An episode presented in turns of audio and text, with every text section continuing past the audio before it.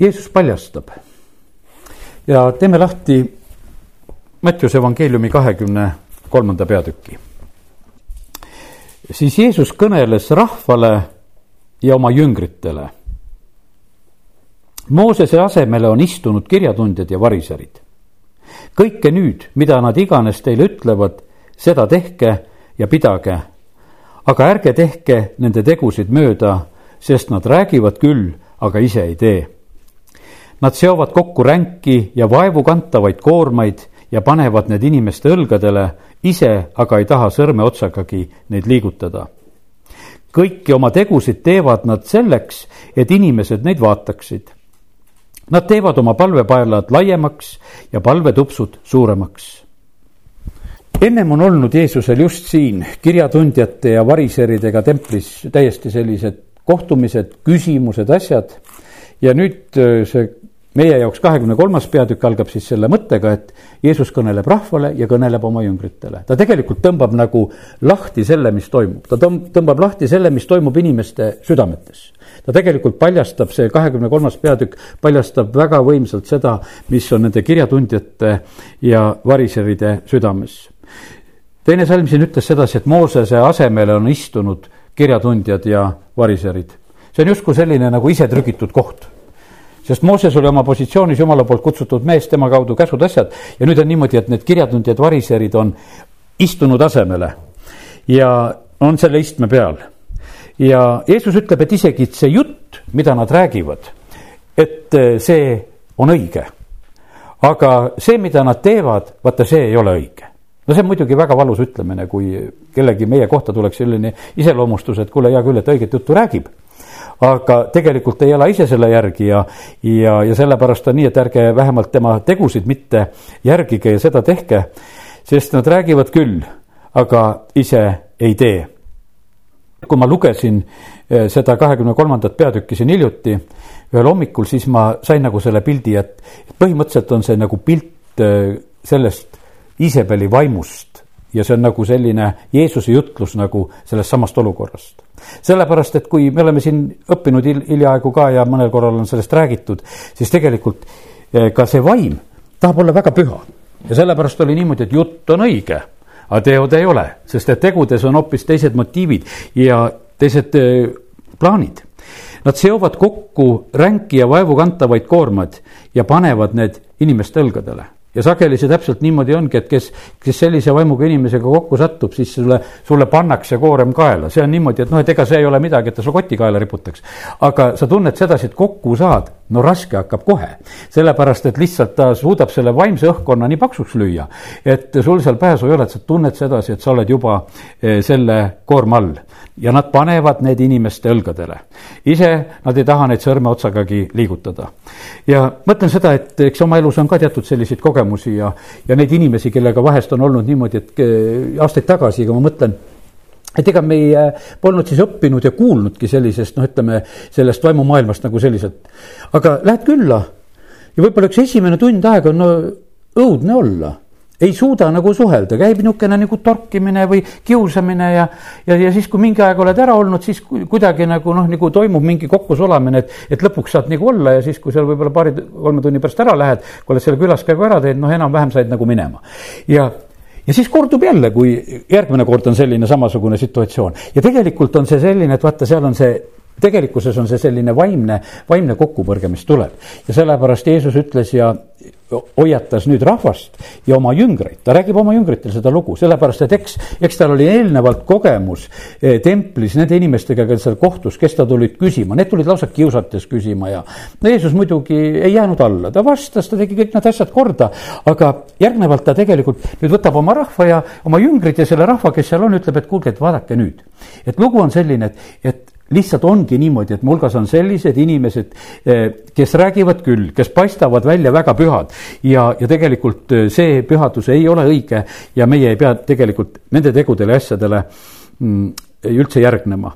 Nad teevad kõike seda, et, et inimesed neid vaataksid.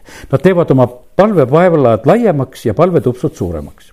ja kurb küll, aga suur kiusamine jumala rahva hulgas käib palve kaudu palve on nii püha asi, et selle kaudu on väga lihtne kiusata.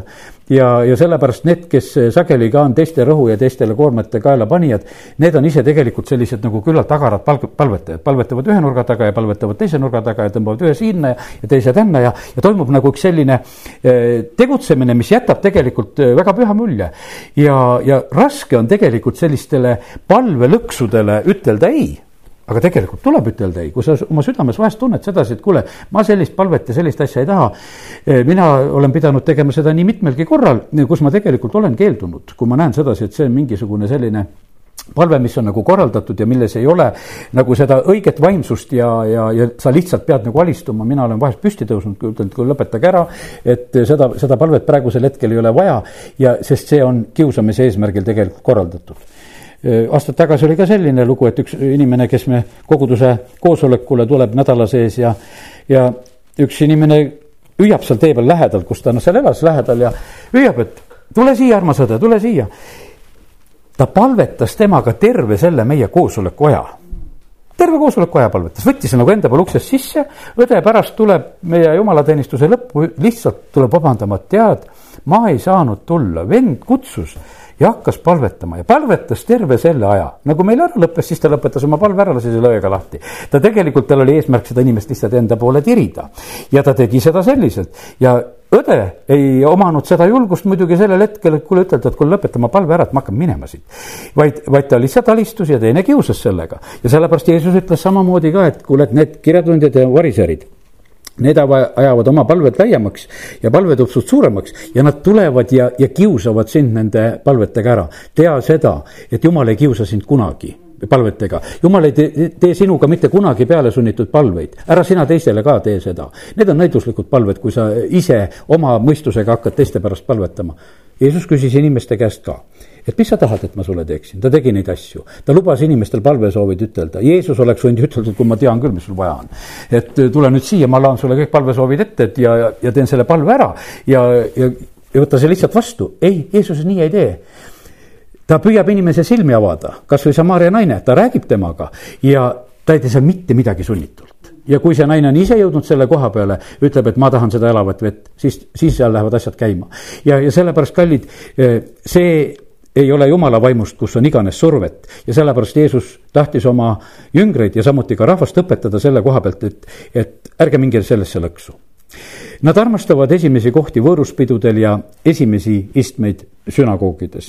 no ütleme, see on, piltlikult on see nagu see pilt ka samamoodi, et eh, nad tahavad olla tegelikult asja keskmes, nad tahavad olla need eh, kelle käest võib-olla küsitakse, kellega arvestatakse, kellega nõu peetakse, kes on omamas nagu seda positsiooni, nad arvest-, armastavad teretusi tulgu, turgudel ja seda, et neid hüütakse rabideks. no ütleme, et äh, kogemusi need tuleb aegade jooksul, siis mäletan seda korda, et äh, üks inimene kunagi ütles mulle, et ütle, olen ma ju õpetaja sest et ta ju koguduses rääkis ja ta tahtis saada seda nagu hinnangut, et mina kiidaksin ja ütleksin nagu selle heaks, et temal on õpetaja and. ja ta tuli paluma seda minu käest välja, ma ei mäletagi, kuidas ma talle seda vastasin, aga mul oli igatahes väga tore küll nagu kuulda sellist soovi, et inimene tuli endale ise tiitlit küsima. et ja, ja ole hea ja seda ütle ja sellepärast Jeesus ütleb samamoodi, et, et need on inimesed, kes armastavad selliseid asju et neid hüütakse rabideks, et neid hüütakse õpetajateks ja, ja siis tuleb selline võib-olla nüüd üsna eh, vastuoluline lõik ja loeme selle järgmise lõigu ka. kaheksas salmi sealt edasi. Teie ärge laske endi tüüda rabiks, sest ainult üks on teie õpetaja, teie kõik olete aga vennad. ja ärge hüüdke kedagi maa peal oma isaks, sest ainult üks on teie isa, see taevane ja ärge laske end ka kellelgi lüüda juhatajaks, sest ainult üks on teie juhataja, Kristus no mis me nüüd selle asjaga teeme? ei tohi õpetaja ütelda, ei tohi isa ütelda, ei tohi juhataja ütelda. no kas me siis täna viskame kõik need asjad ära? Ei, see ei ole kaugeltki seesama mõte. aga kui me nüüd näeme seda, eh, mida Jeesus siin antud hetkel nagu õpetab, siis ta räägib sedasi, et need, kes on sinna Moosesele istmele trüginud, need, kes armastavad, et neid õpetajaks hüütakse, siis ta tegelikult läheneb nagu selle, selle koha pealt, et ütleb, et kuule, et, et me ei pea neid inimesi nendeks isadeks ja õpetajateks ja, ja ei tea, kelleks ära hüüdma. ja, ja sellepärast ja ta ütleb samamoodi, et ja ärge laske kellelgi hüüda juhatajaks, see on niimoodi, et pane sa seda tähele et see noh, et, et see on nagu minu käsk, et sa pead nii hüüdma. tegelikult on see niimoodi, et, et kui meie ise näeme, et keegi on õpetaja, kui me, me näeme, et keegi on karjane, kui, kui me näeme sedasi, et ta on pastor, kui, kui ta on õpetaja positsioonis, kui ta on evangelist, kui tal on prohveti and, siis me tegelikult ütleme, me käime ise selle sõna välja. Jeesus küsis ka oma jüngrite käest, et keda inimesed mind ütlevad olevat. ta ei ütelnud sedasi, et jüngrid, minge nüüd laiali ja ütelge inimestele, et nad mulle õieti ütleksid, et ma ütlen õige nime, kuidas peab. ja Jeesusel oli hoopis huvi, et, et aga kuidas nad mind näevad, kuidas nad mind kutsuvad. et tal ei olnud probleemi, et ise seda nime panna, aga need, kellest siin Jeesus räägivad, need olid need, kes tegelikult ise kauplesid endale need nimed ja valvasid selle üle, et nende nimede järgi ka neid siis nimetataks. ja sellepärast Jeesus ütles, et ei, ei, ei isa, ei õpetaja, ei juhataja, sihukestele pole seda, seda vaja teha ja et ärge seda laske teha ja, ja sellepärast eh, ärme mõistame sedasi, ütleme oma isadele isa, ütleme oma emadele ema, ütleme õpetajatele õpetaja ja juhatajatele juhataja. kuidas jumal sõna õpetab meid, need, kes hästi juhatavad, neid tuleb, neid juhatajaid tuleb kahekordse au sees pidada. ja seal ei ole mitte mingisugust, et, et ei tohi juhataja ütelda, võib küll. ja sellepärast eh, see paradoks või see vastuolu, mis me siit praegusel hetkel nägime, see on lihtsalt selle koha pealt, et seda, seda asja kuritarvitati ja tarvitati valesti ja Jeesus õpetab siis seda rahvast ja oma jüngrit edasi. aga suurim teie seast olgu teie teenija. Kes siis ennast ise ülendab, seda alandatakse, aga kes siis ennast ise alandab, seda ülendatakse. nii et see väga tuntud õpetus, et tegelikult ei pea me olema ise need, kes me ennast ülendame, vaid parem on see, kui me iseennast alandame, küll Jumal on see, kes tegelikult meid ülendab. nüüd läheb asi tegelikult veelgi teravamaks kolmteist salm ütleb, häda teile, kirjatundjad ja variserid, te silmakirjatsejad, te lukustate taevariigi inimeste eest, ise te ei lähe sinna sisse ega lase ka neid, kes tahaksid minna. no see on väga kurb ja, ja karm ütlemine, mida Jeesus ütleb. ta ütleb häda nendele kirjatundjatele ja variseridele. olete silmakirjalikud ja tegelikult te takistate inimesi taeva saamast seote neid ränkasid koormaid, sellepärast et sõna ütleb Hebra kirjas väga selgelt, et me peame maha panema igasuguse koorma ja kõik selle, mis meid takerdab ja, ja kõik, mis me jooksmist tapet, takerdab ja patu maha panema ja, ja, ja sellepärast on see nii. ja teie olete need, kes te neid koormaid seote ja ei lase ka teisi inimesi tegelikult jumala riiki sisse saada häda teile, kirjatundjad, variserid, te silmakirjatsed, te neelate alla lestnaiste majad, silmakirjaks venitate palvetupsud pikaks ja sellepärast, seepärast te saate seda rängema kohtuotsuse. ja see järgmine salm samamoodi äh, räägib sellest, et oma palvete ja oma pühadusega tegelikult äh, olete inimese kallal, tahate saada kätte nende varandusi, tahate kätte saada nende asju ja tegelete nende asjadega. ja Jeesus paljastab tegelikult väga otseselt ja julgelt kõik need asjad.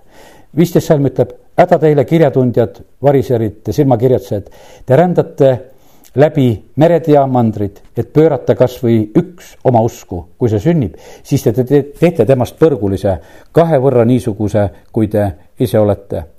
ja oma usku pöörata ja pluss ta ütles, et vaata, tegelikult on see, et keda meie järgime ja, ja kelle meelevalla all me oleme, tegelikult see, see tuleb väga üle.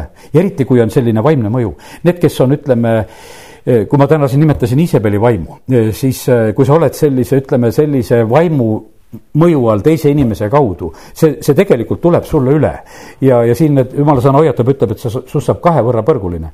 see on nii, see on nii huvitav näha sedasi, et inimeste käitumine, liigutused, maneerid, need lähevad üle et see on, see on selline, et, et kui sa näed, et kui keegi järgneb kedagi, kellel on see, see mingisugune vale vaim seal peal, siis varsti vaatad, et, et noh, ütleme selle nime, inimese nimega võib ütelda, aga ütled, et väike see on ka juba olemas, see inimene. sest et ta on nagu analoog, ta käitumised, ütlemised ja žestid ja kõik asjad tulevad ja see tuleb tohutult kõvasti üle. ja sellepärast Jeesus ütleb, et, et see nii ongi.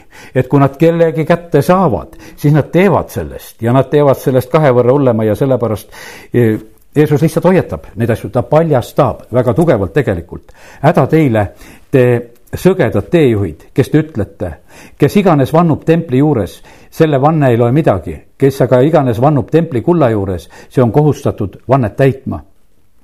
Te rumalad ja sõgedad, kumb on suurem, kas kuld või tempel, mis kulla pühitseb? ja, ja nüüd edasi on järgmine eh, mõttekäik, mis siit tegelikult tuleb, on selline, et et äh, vaata, selline manipuleeriv jutt mis on õige, mis on vale. Äh, siin on, räägitakse templist, räägitakse templikullast. no kas, kui, kui mõtleme Jeruusalemma templile, kas saab templit ja kulda lahe, lahutada? no ei saa see kuld oli selle templi peale pandud, need asjad olid seal kullast ja see, seda ei ole võimalik lahutada, aga siin toimub üks selline imelik lahutamine, et kuule, et, et äh, kui ta ütleb seal templi juures ja kui ta ütleb templikulla juures ja, ja siis oleks just nagu äh, üks või teine asi erinev. ja sellepärast Jeesus ütleb, et see on üks sõge teejuhtimine, et üks vanne loeb ja teine vanne ei loe. tegelikult on see, teate mis, see on tegelikult see soov laveerida. Need inimesed, kes on vale vaimu all, vaata, valetaja alati keerutab ja siis on vaja mingisuguseid eh, keerutamisi ja need ongi need nüansid, millega tegelikult keerutatakse. siis on eh, selline osaline mälu, kui võiks ütelda, et sa mõnda asja nagu mäletad, kui sa räägid sellise inimesega, siis teatud juttu ta mäletab ja, ja siis teatud osa ta ei mäleta. aga see võib olla täiesti tahtlikult tehtud, et, et seda ma ei taha mäletada ja, ja siis ongi niimoodi, et sa lahutad nagu mingisuguseid asju, sa lahutad templi ja sa lahutad kulla. millal ära lahutati tempel ja kuld? Tempel ja kuld lahutati ära siis, kui Jeruusalemma tempel oli maha põletatud. ja siis tulid inimesed ja kraapisid nende põlenud kivide vahelt selle kulla välja ja siis see tempel ja kuld vahe, lahutati, aga mitte ennem. ja, ja sellepärast see tempel ja kuld oli koos. kui Jeesus tuleb templist välja, ta ütleb, et, et siin ei jää kivi kivi peale kui tempel pisteti põlema, siis vaata, kuld, kui see sulas, ta sulas sinna kivide vahele ja siis oli täitsa loogiline, et inimestel oli täiesti puhas huvi seal on tegelikult nii palju kulda ja nüüd sellest rusuhunnikust me läheme lihtsalt kan-, kangutame. ja Jeesuse sõna läks täide selle tõttu, et inimesed tulid seda kulda sealt kivide vahelt kätte saama ja sellepärast pidid need kivid saama kõik laiali pillutud, et seda kulda kätte saada. ja, ja see toimus, no see on nagu teine, teine lugu üldse, millele ma praegusel hetkel viitasin, aga ma tahtsin ütelda sedasi, et, et kui need inimesed, kes on selle vale vaimu mõju all, siis tegelikult nende jutud on keerulised. Need on nagu kahesed, need võivad olla ühtepidi, need võivad olla teistpidi ja, ja see on tegelikult selle eesmärgiga, et saavutada nagu siis seda oma tahet ja asja, nii kuidas parasjagu see sobib. järgmine väide oli see, et eh, Te ütlete, kes iganes vannub altari juures, selle vanne ei loe midagi. aga kes vannub altaril oleva ohvriänni juures, see on kohustatud vannet täitma. Te sõgedad, kumb on suurem, kas ohvriänd või altar, mis ohvriänni pühitseb ja jälle samasugune lugu, et tegelikult on, kui nii ütelda, et no täiesti selge. kui Jeruusalemmas on tempel ehitatud, kui seal on altar, siis ei ole mitte mingisugust kahtlustki, et see altar on püha. ja nüüd on mingisugune jutt, et altar ei ole püha ja, aga kui seal altari peal on ohver, siis see on püha aga Jeesus ütleb, et jälle üks mingisugune rumal teooria on välja mõeldud, et see nii on. ütleb, et tegelikult on niimoodi, et seda ohvrit pühitseb hoopis see altar mitte, mitte, mitte vastupidi, et ohver ei pühitse seda altarit. ja, ja, ja sellepärast Jeesus paneb nagu ütleb, et see on jälle üks äh, sõge keeruline jutt, mida nad püüavad teile rääkida ja, ja seda, seda teejuhtimist teil vaja ei ole. tuli nagu see pilt silmade ette.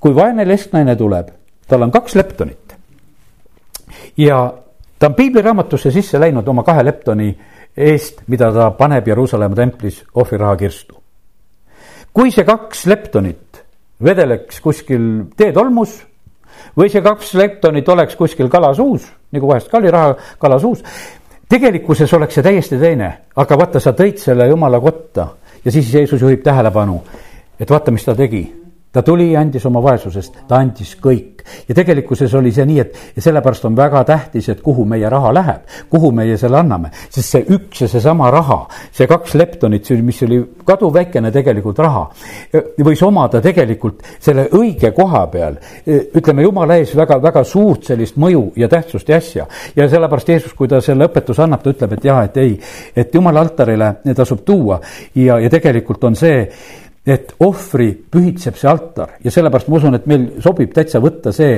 see asi, nagu tänagi siin on toodud, on toodud. ja, ja tegelikult, et see tuleb jumalale, siis tegelikult see saab nagu selle hoopis teistsuguse väärtuse. see rahatäht, mis on siin sees, on hoopis teistsuguse väärtusega selle analoogiga, mis läheb võib-olla kuskile mujale ringlusesse. ja, ja sellepärast jumal paneb tähele ja ta hindab ja õnnistab seda. kakskümmend üks salm ja kes vannub templi juures, see vannub selle ja tema juures kes templis elab. ja kes vannub taeva juures, see vannub Jumala trooni ja troonil istuja juures. ja sellepärast, et Jeesus siin lähemalt ja pikemalt nüüd nagu ei hakka seal enam eraldama seda templit ja jumalat, me teame, et tempel ehitati selleks, et see oleks jumala asupaigaks, jumal tahtis asuda seal. kui tempel pühitseti, siis tegelikult jumala au langes. kui koguduse telk pandi püsti, siis oli see jumala asupaigaks. sellepärast jumal tegelikult tahab olla meie juures, me ei saa neid asju lahendada. me, kes me Uue Testamendi ajal oleme, eks te teate, olete püha vaimu tempel ja jumala püha vaim elab teie sees. jumala vaim, kui me oleme jumala lapsed, ta on tõotanud ja ta elab meie sees ja nüüd on see selline küsimus, et, et me võib-olla igal hetkel nagu ei taju seda, et kuule, et umbes, et kas see on ikka nii. sest vahest võib meil tekkida selline küsimus, et, et jumal, et kus sa oled, kas sa oled praegu ka? kallid, ega jumal ei ole selline, kuidas ütelda, selline noh, niisugune tüütu üüriline, kes noh, üldse vait ei ole. ta räägib siis, kui on vaja ütelda, ta hoiatab siis, kui on vaja ütelda. sest et ega me ise ka ei taha sellist, et sellist kaaslast, kes kunagi ei oska nagu suud kinni panna. vaid et oleks ka need hetkedki, kus saaks olla vaikust ja sellepärast jumal annab tegelikult aga kui me temaga vestleme ja räägime, ta tegelikult kohe on valmis tulema ja olemas olema. ja, ja sellepärast nii on, see suur vägi on meis olemas.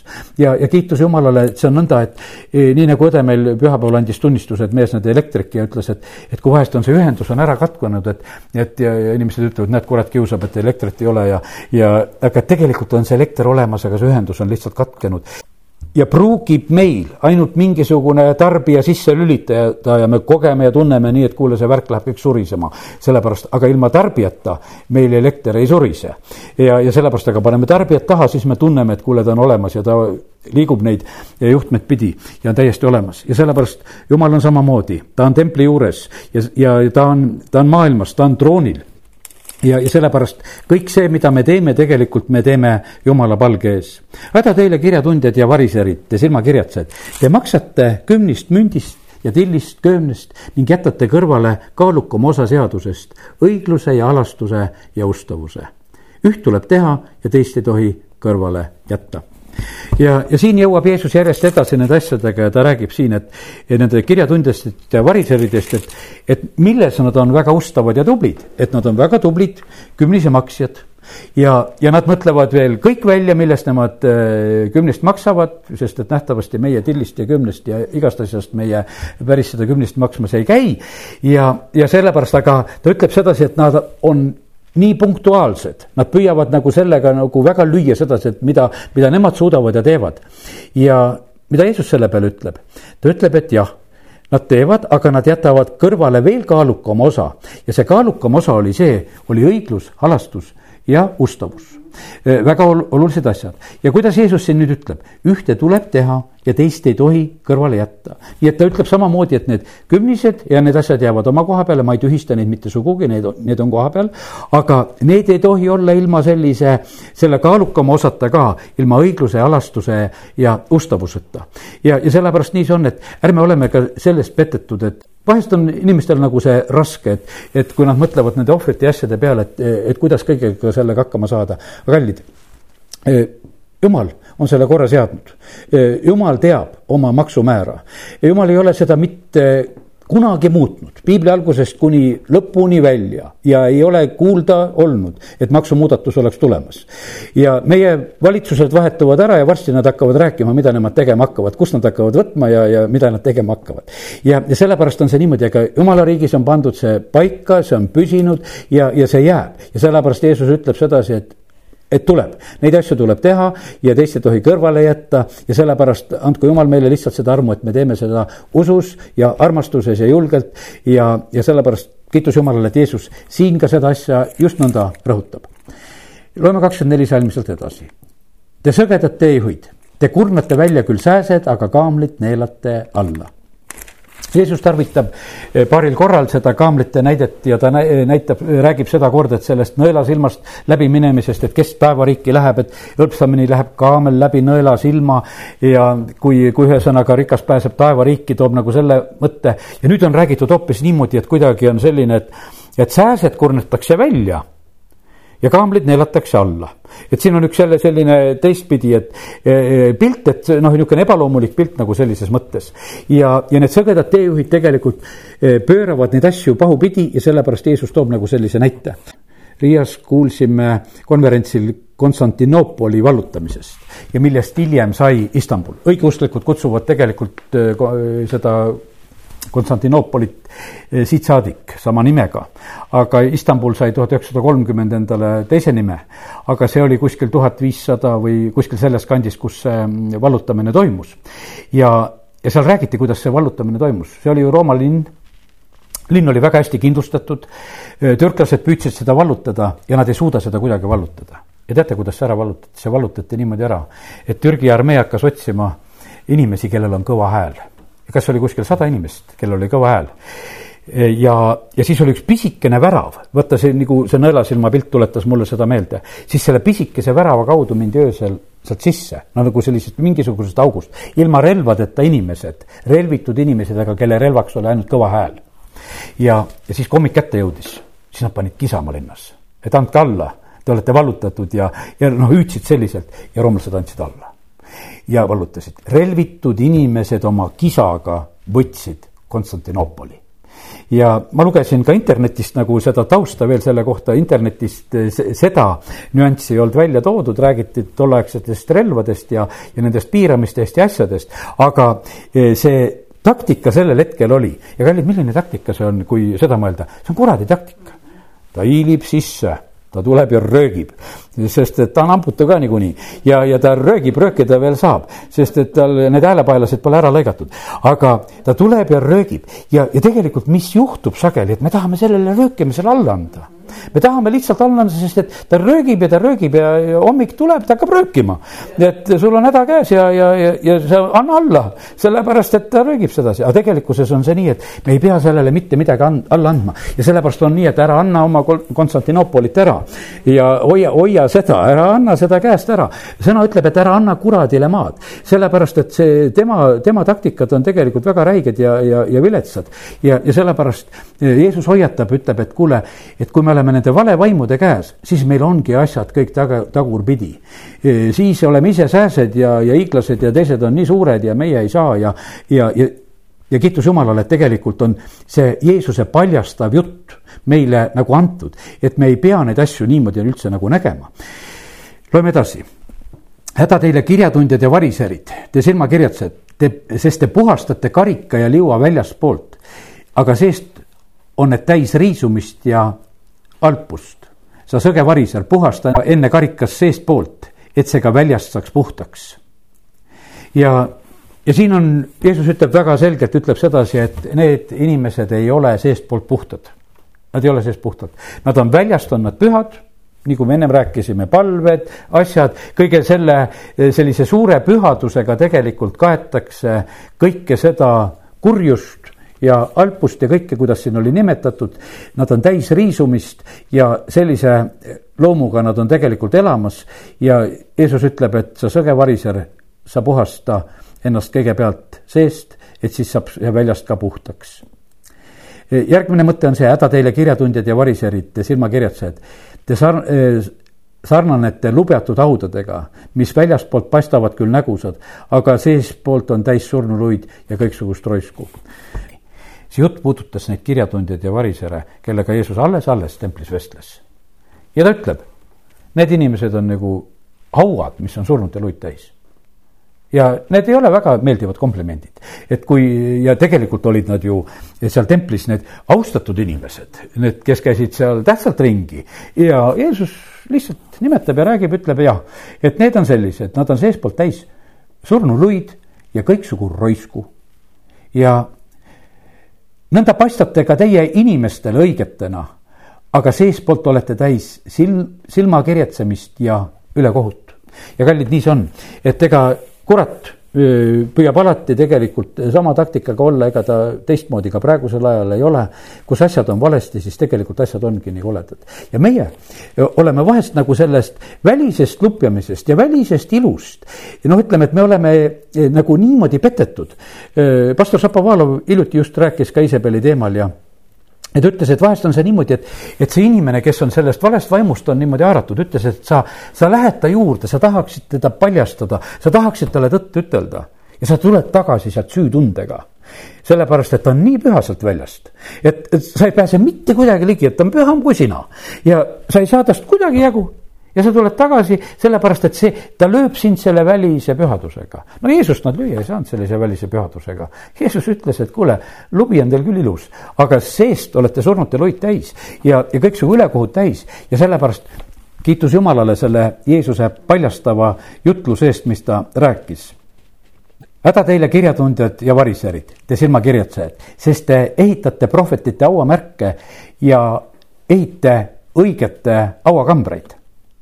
Ja pane tähele, millal need kirjatundjad ja variserid võtsid ritta sinna nende prohvetite ja õigete haudade juurde, siis kui nad surnud olid siis ei olnud nagu nendega mitte mingisugust probleemi, sealt siis selle haua juures seal käia ja, ja, ja tegutseda.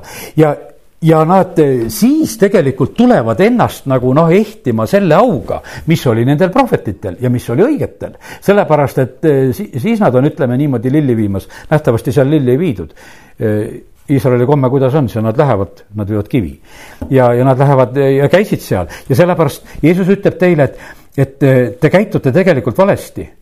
ja te ütlete, et kui me oleksime elanud oma esiisade päevil siis me küll ei oleks olnud nende kaasosalised prohvetite vere valamisel ja nad ütlevad, nagu hindavad seda, mis on ajaloos olnud. Nad on need, kes on tagantjärgi targad, kes ütlevad, et meie kindlasti oleksime teinud õieti. kui Riias räägiti sellel korral ka just Iisraeli teemat ja ja ka holokaustist tuli juttu ja, ja teise maailmasõja ajal, eelsest ajast, aastal tuhat üheksasada kolmkümmend kaheksa, kui, kui riigid tulid kokku ja arutasid seda, et mida teha juutidega, see ja see oli nagu selline küsimus, sellepärast et juutide vastu oli see vaen väga suureks läinud. ja siis nagu arutati, et kas on maa peal olemas sellist riiki, kes suhtuks positiivselt juutidesse ja ei leidunud. Hitlerile viidi sõnum, et mitte keegi ei hooli neist, et sa võid teha nendega, mis tahad. sellepärast, et ükski riik ei taha nagu ennast nendega segada ja nad nagu ütlevad nendest lahti ja, ja, ja tegelikult see niimoodi sündis ja siis sünnib teise maailmasõja ajal tohutu juutide tagakiusamine, aga kõik olid vait. kas sellel ajal ei olnud kristlasi, oli kindlasti kristlasi. vend, kes sellel teemal rääkis, ütles, et kallid, meie ei pea võtma praegu neid selle aja kristlasi ette et kas meie oleksime käitunud paremini või mitte, vaid küsime täna, mida meie täna teeme.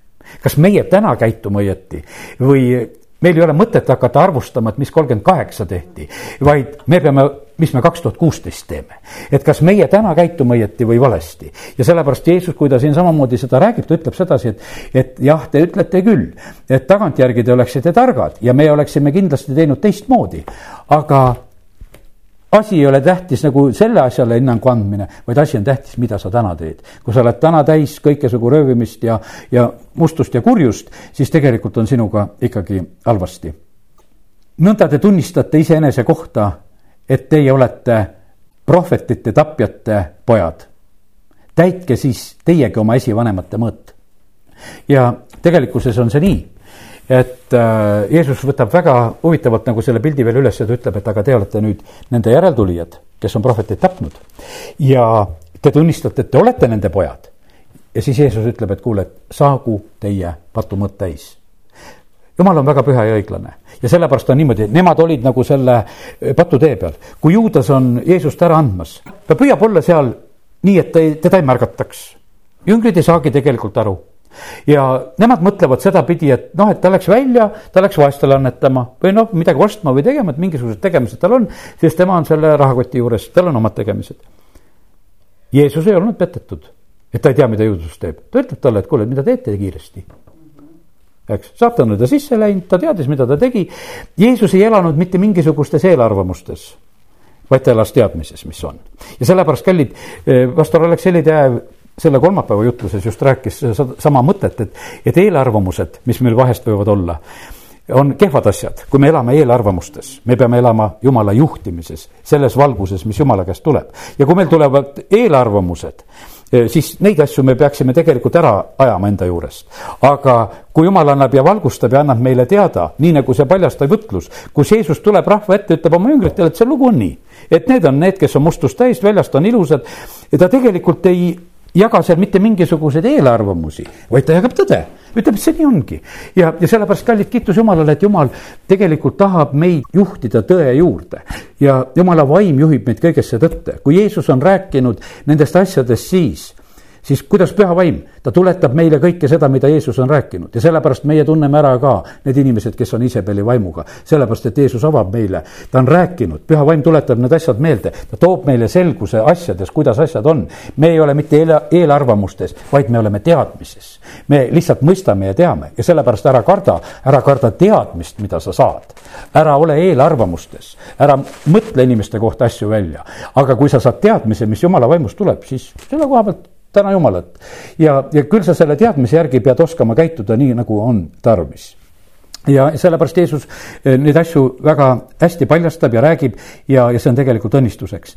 ja ta ütleb neile, et tehke oma patumõtt täis ja, ja siis eh, tegelikult kui patumõtt on täis, siis tegelikult tuleb karistus ja me teame seda, et Jeruusalemmale tuli sellel korral karistus, sellepärast et nad tegelikult ei pöördunud ja nende patumõõt saigi täis Te maod, te rästikute sugu, kuidas te võite põgeneda põrgu kohtust? seepärast vaata, mina läkitan teie juurde prohveteid ja tarku ja kirjatundjaid ning osa te tapate, lööte risti, osa te pitsutate oma sünagoogides ja jälitate neid linnast linna. ja see kehtib praegusel ajal täpselt samamoodi. ei ole ma siin viimasel ajal jälginud, olen isegi ennast mõnest vaimulikust listist ja, ja kus jumala rahvas on koos, olen ennast välja lülitanud, et ei tahagi neid jälitajaid nagu kuulda ja näha.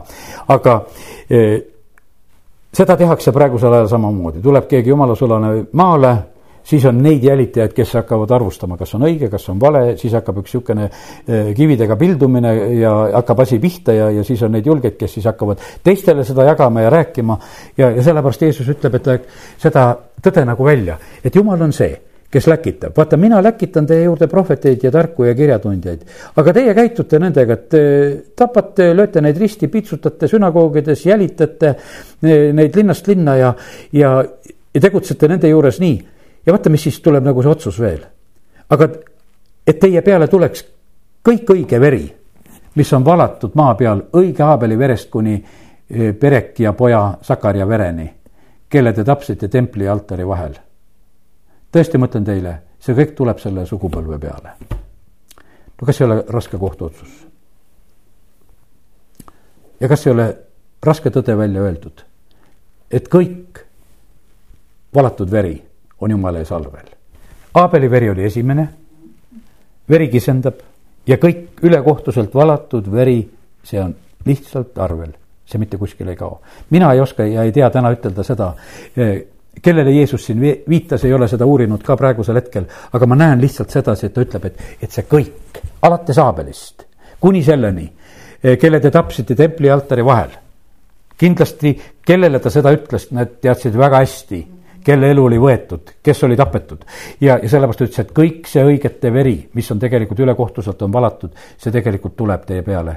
tuleb selle, kõik selle sugupõlve peale. ja sellepärast, kallid, nii see on, et ega jumal ei ole ennast muutnud ja meil ei tasu ennast petta. et kui me elame pattudes ja kui me täidame seda patumõõtu, siis tuleb lihtsalt karistus. ja, ja sellepärast Jeesus lihtsalt rääkis, et häda ja, ja ta nägi sedasi, et nendest ei ole pöördujaid. see peatükk läheb edasi selliselt, Jeruusalemm, Jeruusalemm, kes sa tapad prohvetid, viskad kividega surnuks need, kes su juurde on läkitatud. kui palju kordi ma olen tahtnud su lapsi koguda, otse kui kana kogub oma pesakonda tiibade alla, ent teie ei ole tahtnud.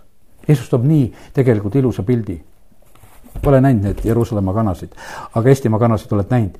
tegelikult on ju see nii armas pilt, kui üks äh, kana kes seal käib kokk-kokk-kokk ja, ja, ja kuidas tibukesed kõik lähevad ja jooksevad kokku ja see on, see on nii armas pilt, et ma olen tahtnud koguda. noh, kanad lasevad ennast koguda, seal ei ole mitte mingisugust asja. E, nad tunnevad igast perenaisest rõõmu, kui keegi tuleb ja jooksevad kokku kõik. Ja, ja sellepärast Jeesus ütleb sedasi, et, et ma olen tahtnud, palju kordi ma olen tahtnud koguda su lapsi, otse kui kana kogub oma pesakonda tiibade alla. Tiibade alla, jah, me, kes me oleme, tunnistame, räägime, et seal tiibade all oleme varjul ja, ja, ja need psalmid meile nii olulised ja tähtsad. ja, ja see võimalus tegelikult meil on, aga me peame tahtma sinna tiibade alla tulla. ja siis Jeesus ütleb, vaata, teie koda jäetakse maha, sest ma ütlen teile, teie ei näe mind nüüdsest enam, kuni te ütlete, õnnistatud olgu, kes tuleb issanda nimel. ja sellepärast Jumal on Jumal. kui me algasime sedasi, et, et kirjatundjad ja variserid seovad kokku ränki koormaid, nad panevad need inimeste õlgadele. aga Jumal ütleb, et millal te mind kutsute siis ma tulen. amin.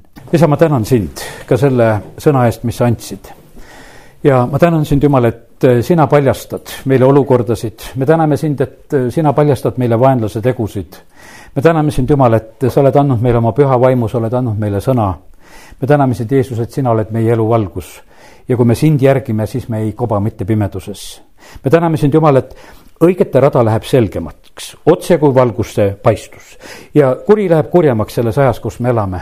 ja sellepärast, Jumal, me täname sind, et me tohime täna paluda seda, et me võiksime püsida sellel õigel teel, kus on valgus, kus on selgus ja et me läheksime kindlalt edasi. sa kiitus ja tänu ja ülistus sulle Jeesuse nimel, amin